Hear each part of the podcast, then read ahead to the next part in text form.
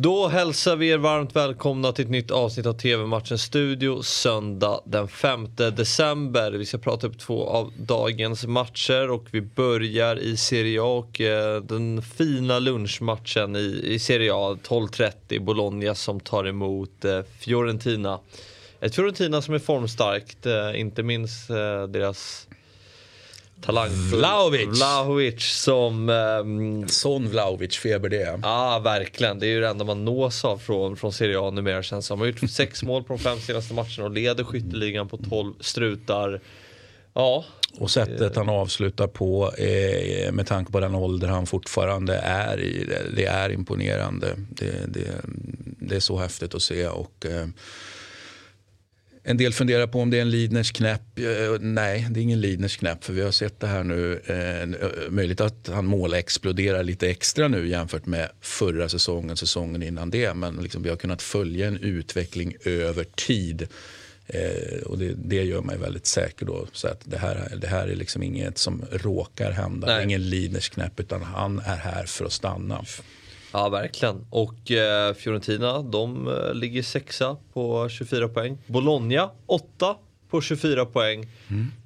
I onsdags så besegrade man Roma med 1-0. Eh, Mattias Svanberg var den som avgjorde matchen. Han hotar inte om någon skytteligaseger men Men är en pålitlig målskytt. mm, verkligen. Eh, inte minst, eh, han har ju haft lite otur med målskyttet om vi tar just sessionen i Bologna. Jag vet inte hur många av, så att säga, avblåsta mål han, eller bortdömda mål han är uppe i nu. Det, det är, man kanske kan räkna dem i och för sig på ena handens fingrar men säg att det, det är en tre, fyra, eh, kan det vara fem till och med. Så, så att han har ju varit, det, det hade kunnat vara en, en ännu finare målsiffra.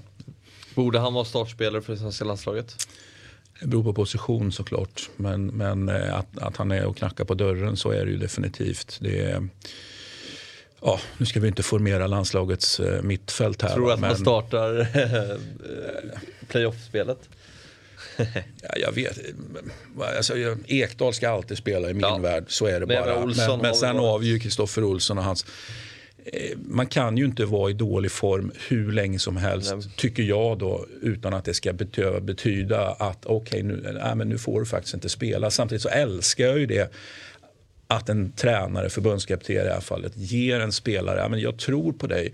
Det har gått lite knackigt nu, men jag tror på dig. Du får förtroendet. Men det är klart att det går en gräns även där. Att ja, men nu är det för många matcher som har varit för dåliga. Ja. Du kan inte få starta. Så, Nej. så att det, det beror ju på hur Janne resonerar i det där. Han verkar ju någonstans ha bestämt sig för Kristoffer Olsson. Så, och, och, och, jag kan egentligen inte säga emot det. utan han ska tro på sin gubbe. Liksom. Men, men det är också eh, Kristoffer Olsson ska leverera.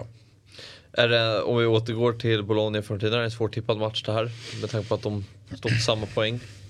Ja, nej, jag, alltså jag känner formen är bättre i, i till Bologna fått med sig lite för mycket. Och nu hade vi ju känning på Arnautovic också i segermatchen mot Roma. Man får se om han kommer till spel överhuvudtaget. Nu är det tätt, det var ju mitt i veckan omgång. Men nu är det helg. Så att, eh, vi får väl se om Arnautovic, eh, för, för han behövs för att de ska så att säga, var som bäst Bologna. Så att, eh, med tanke på det frågetecknet och med tanke på formen som Fiorentina kommer i. Och då är det ju fortfarande ett lag som är under inkörning. Det ser ju redan väldigt mycket bättre ut, ser redan väldigt mycket annorlunda ut med, med Italiano som, som tränare jämfört med i fjol. Och, eh, men man är fortfarande under intrimning och när det här liksom är intrimmat på riktigt om man inte liksom slarvar bort resultat. Man slarvar kanske inte spelmässigt så mycket men man slarvar bort eller i alla fall moment av spelet har man ju slarvat och då sl- släppt iväg resultat. Så Fiorentina borde egentligen haft ännu, ännu fler poäng. Eh, och och att man då ligger sexa liksom är ju jätte, jättefint. Jätte- Inte minst med tanke på i fjol och i fjol. och De senaste. de senaste åren helt Ja. enkelt. 12.30 alltså startar matchen. Ni ser den på Simor Fotboll. Nu till Premier League och mötet mellan Tottenham och Norwich. Eh, Ja, det ska bli väldigt spännande att se vad, vad Antonio Conte kan göra med det här Tottenham-laget över tid. ehm, Och direkt. och direkt. Han är ju känd för att vara en, en, någon som kan leverera direkt. Inte bara en första säsong utan även pang bom direkt. Ja. Och, I, i, alltså i matcher också. Och sen försvinner han lika fort. ja, eller han försvinner efter två år i alla fall. Mm. Och eh, Norwich som eh, kryssade senast mot Newcastle, en match som vi pratade upp här i tv-matchen. Eh, det var ju man fick ju ett rött kort med sig redan efter 9-10 minuter. Något, någon, någonstans där. Eh, Clark i Newcastle som blev utvisad. Men det blev bara och, ett... Och, och, precis. Och, och, förstörde våra spekulationer om en, en uh, how-effekt. Ja. Istället har det blivit en Norwich eller Dean Smith eh, Ja effekt. det pratar vi också om. Men man är i alla fall, ja. eller man är, man är obesegrade. Eh, mm. och det är ju snyggt. Det är ju ändå en signal som skickas här. Mm. Även om oavgjort i trepoängsfotboll inte alltid att rekommendera så är väl kanske poäng att rekommendera och eh, att signaler skickas att rekommendera i den situationen som, man, som Norwich då har befunnit sig i. Men här tror, tror vi väl på Tottenham ändå? Det gör vi. Mm. 15.00 startar matchen och ni ser den på Viaplay. Det var allt för idag. TV-matchens studio är tillbaka imorgon igen. Vi ses då. Hej!